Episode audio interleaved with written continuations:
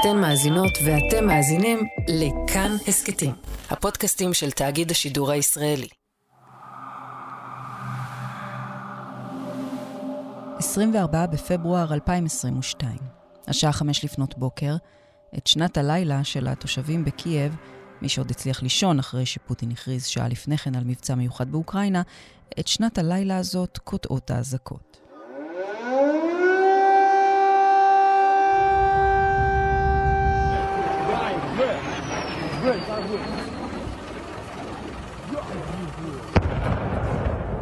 הטילים נופלים בכל רחבי אוקראינה, מסמנים פרק חדש שנפתח בהיסטוריה העולמית.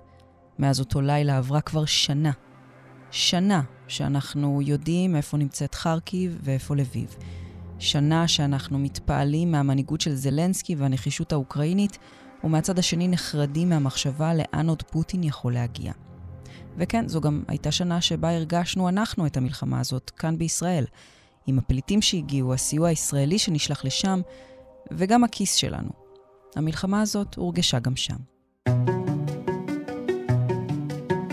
שלום, אני מיכל רשף, אתם ואתן על עוד יום. עברה שנה, ומה בעצם השתנה?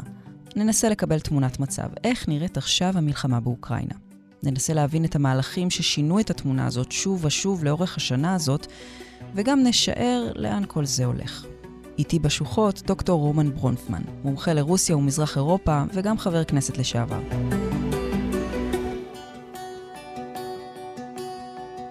רומן, שלום. שלום. בואו נתחיל מתמונת מצב. מה המצב כרגע של המלחמה באוקראינה? איפה היא עומדת? אנחנו עומדים על אה, סיום שנה ראשונה, זה הייתי אומר אה, ציון אה, לא פשוט, מלחמה החלה ב-24 בפברואר, היא הפכה למלחמת התשה, ממושכת, סביר להניח שהיא תימשך עוד זמן רב. אבל תמונה מתבהרת, אוקראינה עומדת בגבורה גדולה מול הפלישה הרוסית, המערב אה, מתגייס אה, לאט אבל בטוח לטובתה של אוקראינה, ורוסיה למרות זאת, אה, למרות שאסטרטגית אני מאמין שבקרמלין מבינים שהם הפסידו בכמעט כל הפרמטרים של ניהול המלחמה, הם ממשיכים לגייס אנשים, לשלוח אותם לחזית, והנתונים האחרונים אומרים, אה, לפי המודיעין הבריטי, שלפחות 800 אה, חיילים רוסים אה, נהרגים ונפצעים בכל יום ויום בזמן האחרון. Mm-hmm. זה אבידות מאוד כבדות אפילו למעצמה גדולה כזאת כמו רוסיה. תגיד, אפשר להגיד מי מנצח בשלב הזה? כן, אפשר להגיד מי מנצח, לא בכל תחום, אבל כן, אני חושב שאוקראינה מובילה בקודם כל התמסרות שלה טוטאלית להגנה על המולדת, זה גם המוטיבציה הגדולה וזה גם ההבדל הענק בין הלחימה האוקראינית ללחימה הרוסית. רוב החיילים, לפחות בחדשים ראשונים של תחילת המלחמה, שרוסיה גייסה, לא ידעו למה הם הולכים, חשבו שהם באמת הולכים לאיזשהם אימונים בשטח אוקראיני. מלחמה נקראה ונקראת עד היום למבצע מיוחד. ואוקראינה התגייסה, כפי שאמרתי, גם מכוחות אה, של עצמי שלה, וגם אה, נשיא זלנסקי הצליח אה, בכריזמה הבלתי צפויה שלו ומפתיעה לטובה לגייס תמיכה, הייתי אומר, כלל עולמית.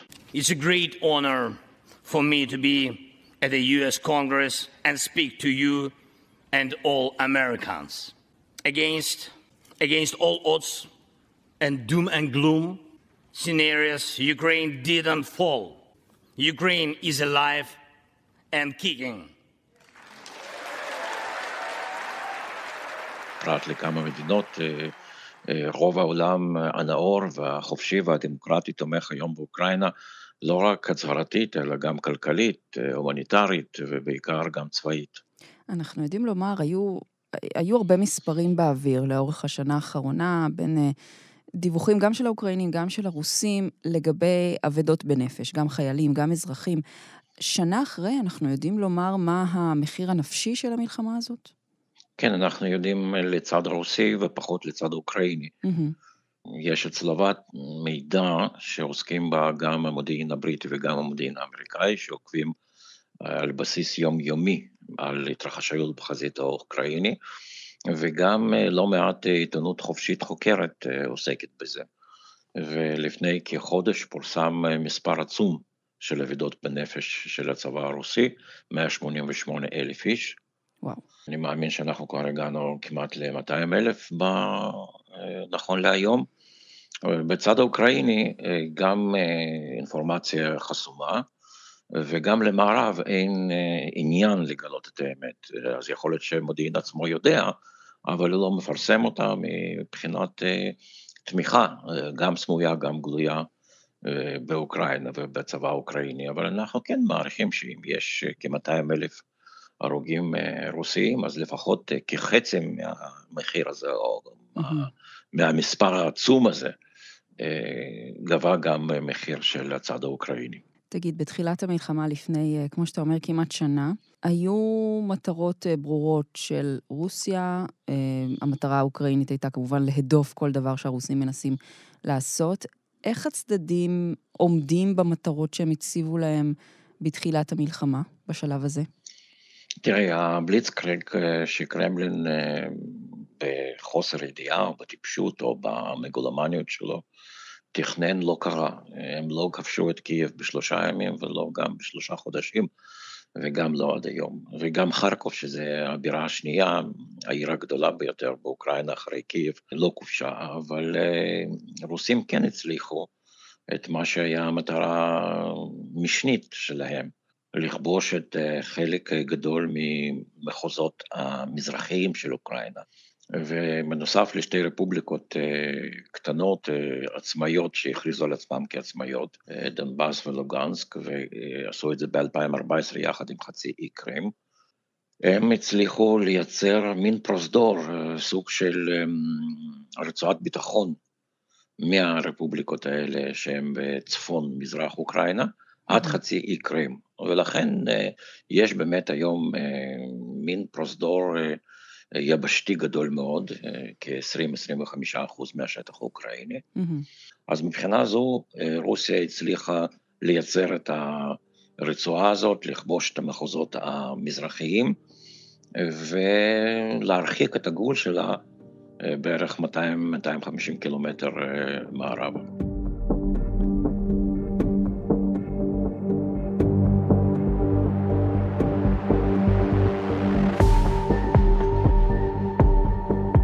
אתה יכול אולי לחזור אחורה, לשים את האצבע על כמה אירועים מכוננים ששינו, עשו איזשהו טוויסט במלחמה בשנה האחרונה?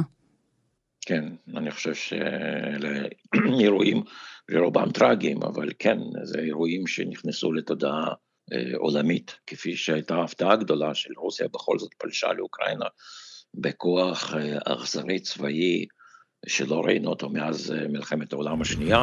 אז אנחנו נמצאים כאן בבוצ'ה, במקום הכי מזוויע והכי נורא שיכול להיות.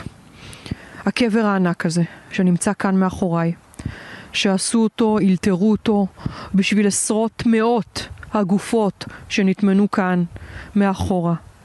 גברים ונשים וילדים, ואפשר לראות חלק מהנעליים, הרגליים שמבצבצות. של האנשים שאיבדו את החיים שלהם ופשוט לא היה איפה לגבור אותם. ככה גם אוקראינה הצליחה לייצר התנגדות עממית אה, שחוצה את כל המחוזות, את כל אוקראינה זה מחוזות אה, שונים מאוד ויש חלוקה באמת אה, היסטורית, תרבותית וגם אתנית אפילו בין מזרח אוקראינה למערב אוקראינה, זה בעצם שני עמים מאוד שונים, אבל היום הם מאוחדים מאוד כנגד הפלישה. ותומכים תמיכה מאוד נלהבת וגדולה ובלתי מסויגת בצבא של אוקראינה. אז כן, אז האירועים האלה זה קודם כל הגנה על קייב, ויכולת של הנשיא זלנסקי לעמוד באופן גלוי בבירה mm-hmm. למשך כל שנת המלחמה. אני חושב שעיר מריאופול, שהיא עיר דרומית על ים האזוב של אוקראינה, שהושמדה כליל על ידי רוסים.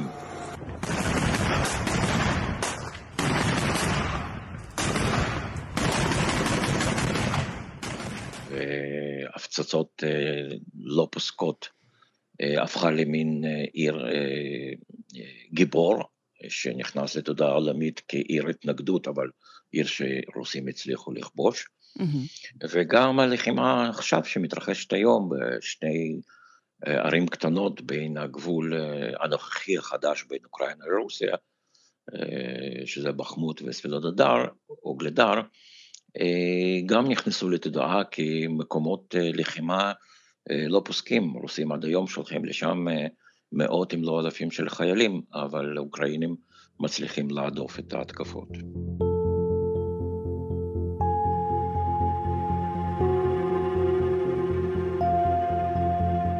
בוא נסתכל רגע בזירה הפנימית. אה, מצד אחד אה, ולדימיר פוטין, מצד שני וולודימיר זלנסקי.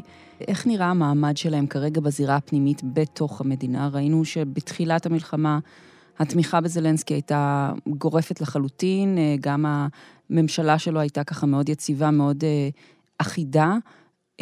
פוטין מצד שני, ראינו לא מעט מחאות שם בתוך רוסיה. איך זה נראה עכשיו, שנה אחרי? תראה, הממשלה של אוקראינה מתפקדת היטב. לאחרונה היו כמה פרשיות אה, פליליות, בעיקר אה, בשחיתות ציבורית, דווקא במשרדים שקשורים אה, ללחימה, לאספקת הציוד ואספקת התחמושת. טבעי שיש אנשים שמנצלים את הרגעים הקשים. אני חושב שזה נפתח כחקירה ונגמר במעצרים. זלנסקי גם עשה מעשים אה, שהם אולי קשורים למצב החירום שמדינה נמצאת, אבל בכל זאת הוא סגר שתיים או שלוש מפלגות אה, שהיו באופוזיציה. יש כאלה שאומרים שהוא ניצל את הרגע כדי לחזק את המעמד הפוליטי שלו. הוא גם אה, הפנה עורף לאחד התומכים הגדולים שלו, אוליגרך בשם אלכס קולומויסקי, שהוא בכלל מבוקש על ידי ארצות הברית על הלבנת הון. ושימוש לרעה בבנק אה, שהיה בבעלותו.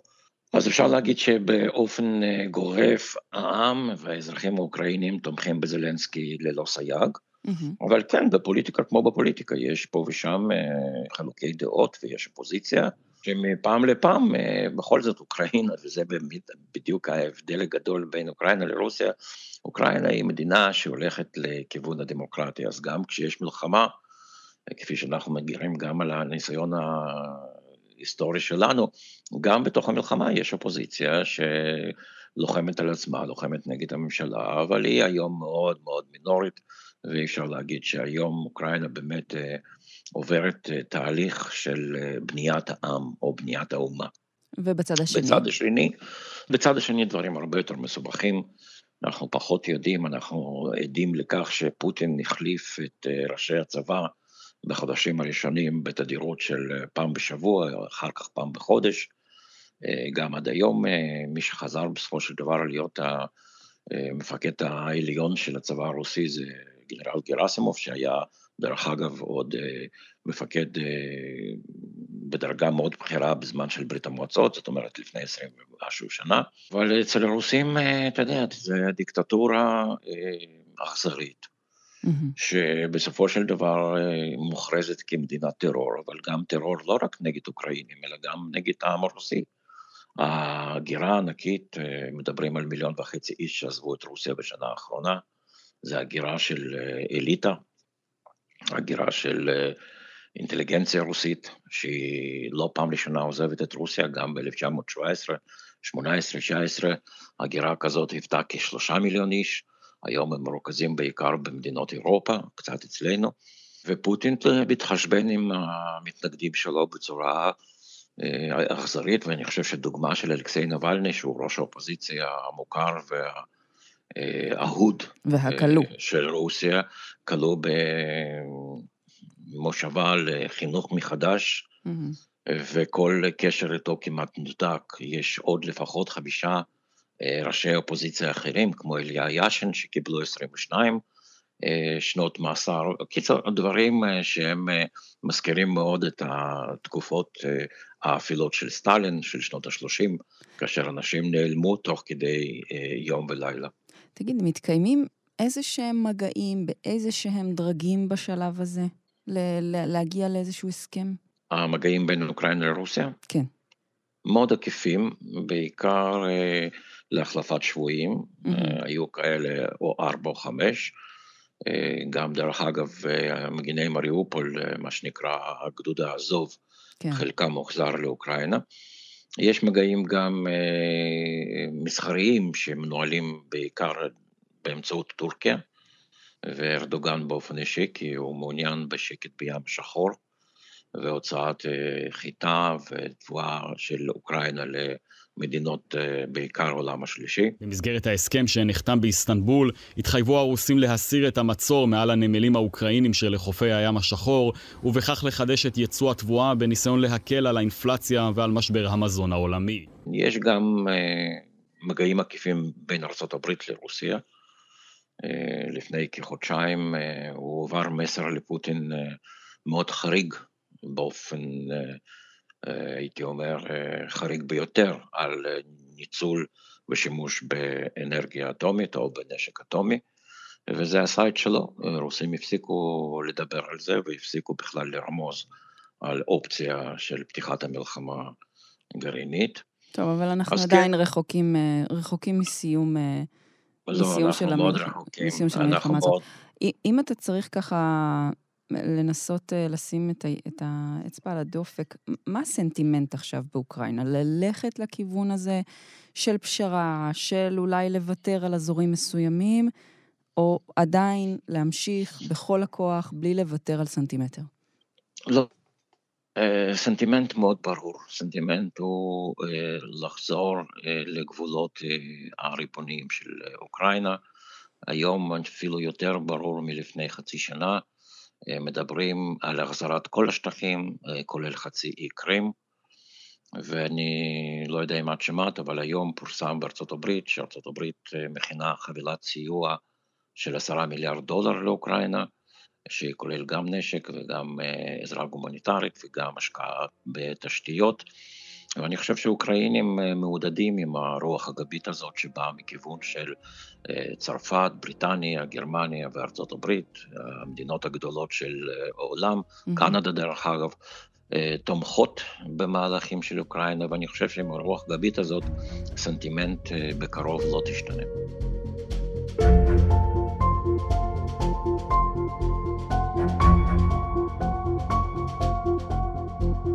המלחמה הזאת היא טרגדיה אנושית מתמשכת. הנה כמה מספרים שממחישים את הכאב והכאוס של המלחמה כמעט שנה אחרי שהיא פרצה. 7,100 אזרחים לא מעורבים נהרגו בשנה החולפת. 3 מיליון ו-300 אלף אוקראינים נאלצו לעזוב את הבתים שלהם והפכו פשוט פליטים בארצם. מהצד השני עזבו את רוסיה כ-2.5 מיליון רוסים שלא זיהו יותר את המולדת. באוקראינה הגיע אחוז האבטלה ל-30 אחוזים. לפני שלוש שנים זה היה עשרה אחוזים. אלו רק מספרים, מאחוריהם יש סיפור, שבעת אלפים סיפורים, שלושה מיליון סיפורים, וזה עדיין לא נגמר. אז לאן ממשיכים מכאן?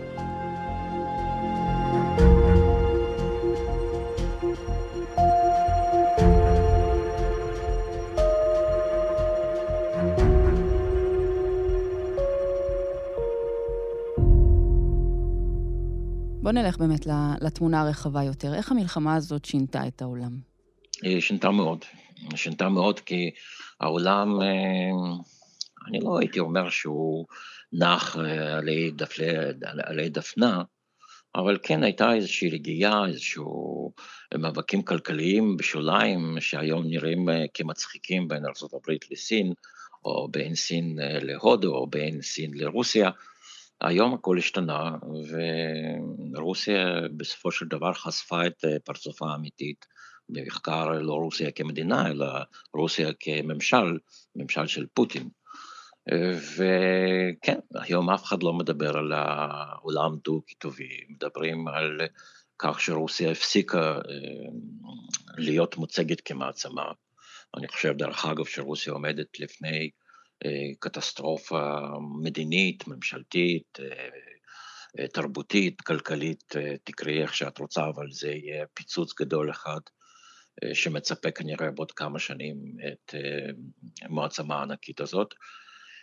וכן, יש היום התמודדות של הרבה מאוד מדינות עם שינוי סדרי ממשל באירופה, עם שינוי אספקת הגז והנפט הרוסים לשם, ואני חייב להגיד שאירופה מתמודדת עם זה מאוד יפה. התלות של גרמניה למשל ירדה מ-72-73 אחוז בגז הרוסי ל-26 אחוז, אז זה הולך ופוחת, ורוסיה לא רק שהיא מפסיקה להיות יצרנית גז, היא גם מפסיקה להיות מעצמה כלכלית, כי הסעיף של הכנסות ממכירת גז ונפט היו העיקריות של רוסיה, אז לכן יש פה איזושהי טעות אסטרטגית קולוסלית שפוטין הרשה לעצמו, או כפי שאמרתי, מחוסר ידע, או מחוסר חשיבה אסטרטגית. בואו ננסה לצפות פני עתיד עד כמה שאפשר. לאן המלחמה הזאת הולכת? דובר בשנה האחרונה על חשש משימוש בנשק גרעיני. דובר על מתקפה רוסית נרחבת באביב. הסכם שלום כמובן לא על הפרק בשלב הזה, זה נראה שזה ממש לא מתקדם לכיוון הזה. אז, אז לאן בכל זאת? לאן אנחנו הולכים? אני חושב, אני חושב שהקצוות אפשר להוריד מהפרק. באמת מלחמת עולם גרעינית, אני חושב שאחרי המסר של ארצות הברית לפוטין, הוא הועבר ונקלט, ואני חושב שזה ירד מהפרק, אני מקווה לפחות ככה.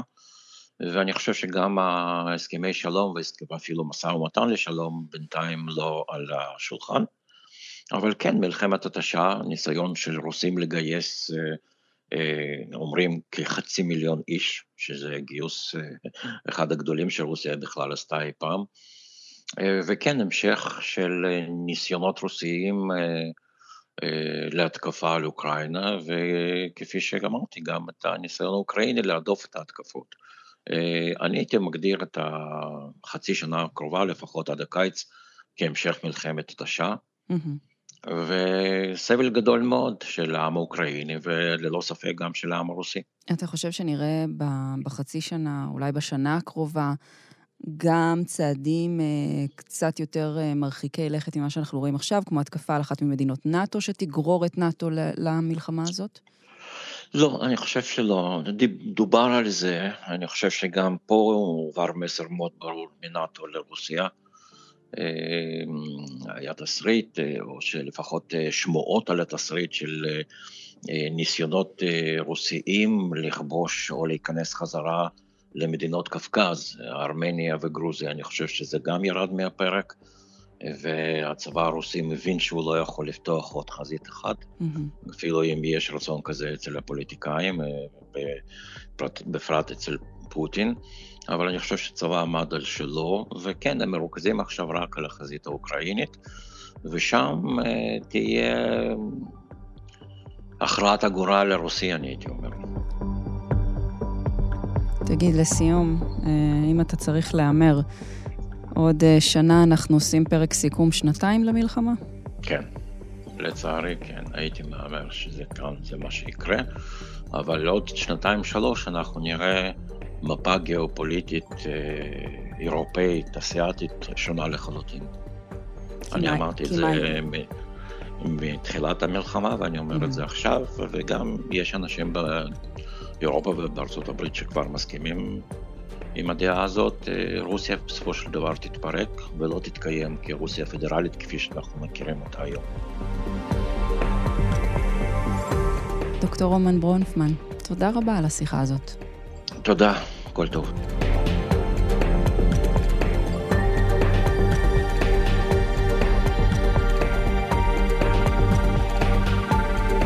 האזנתם לפרק של עוד יום.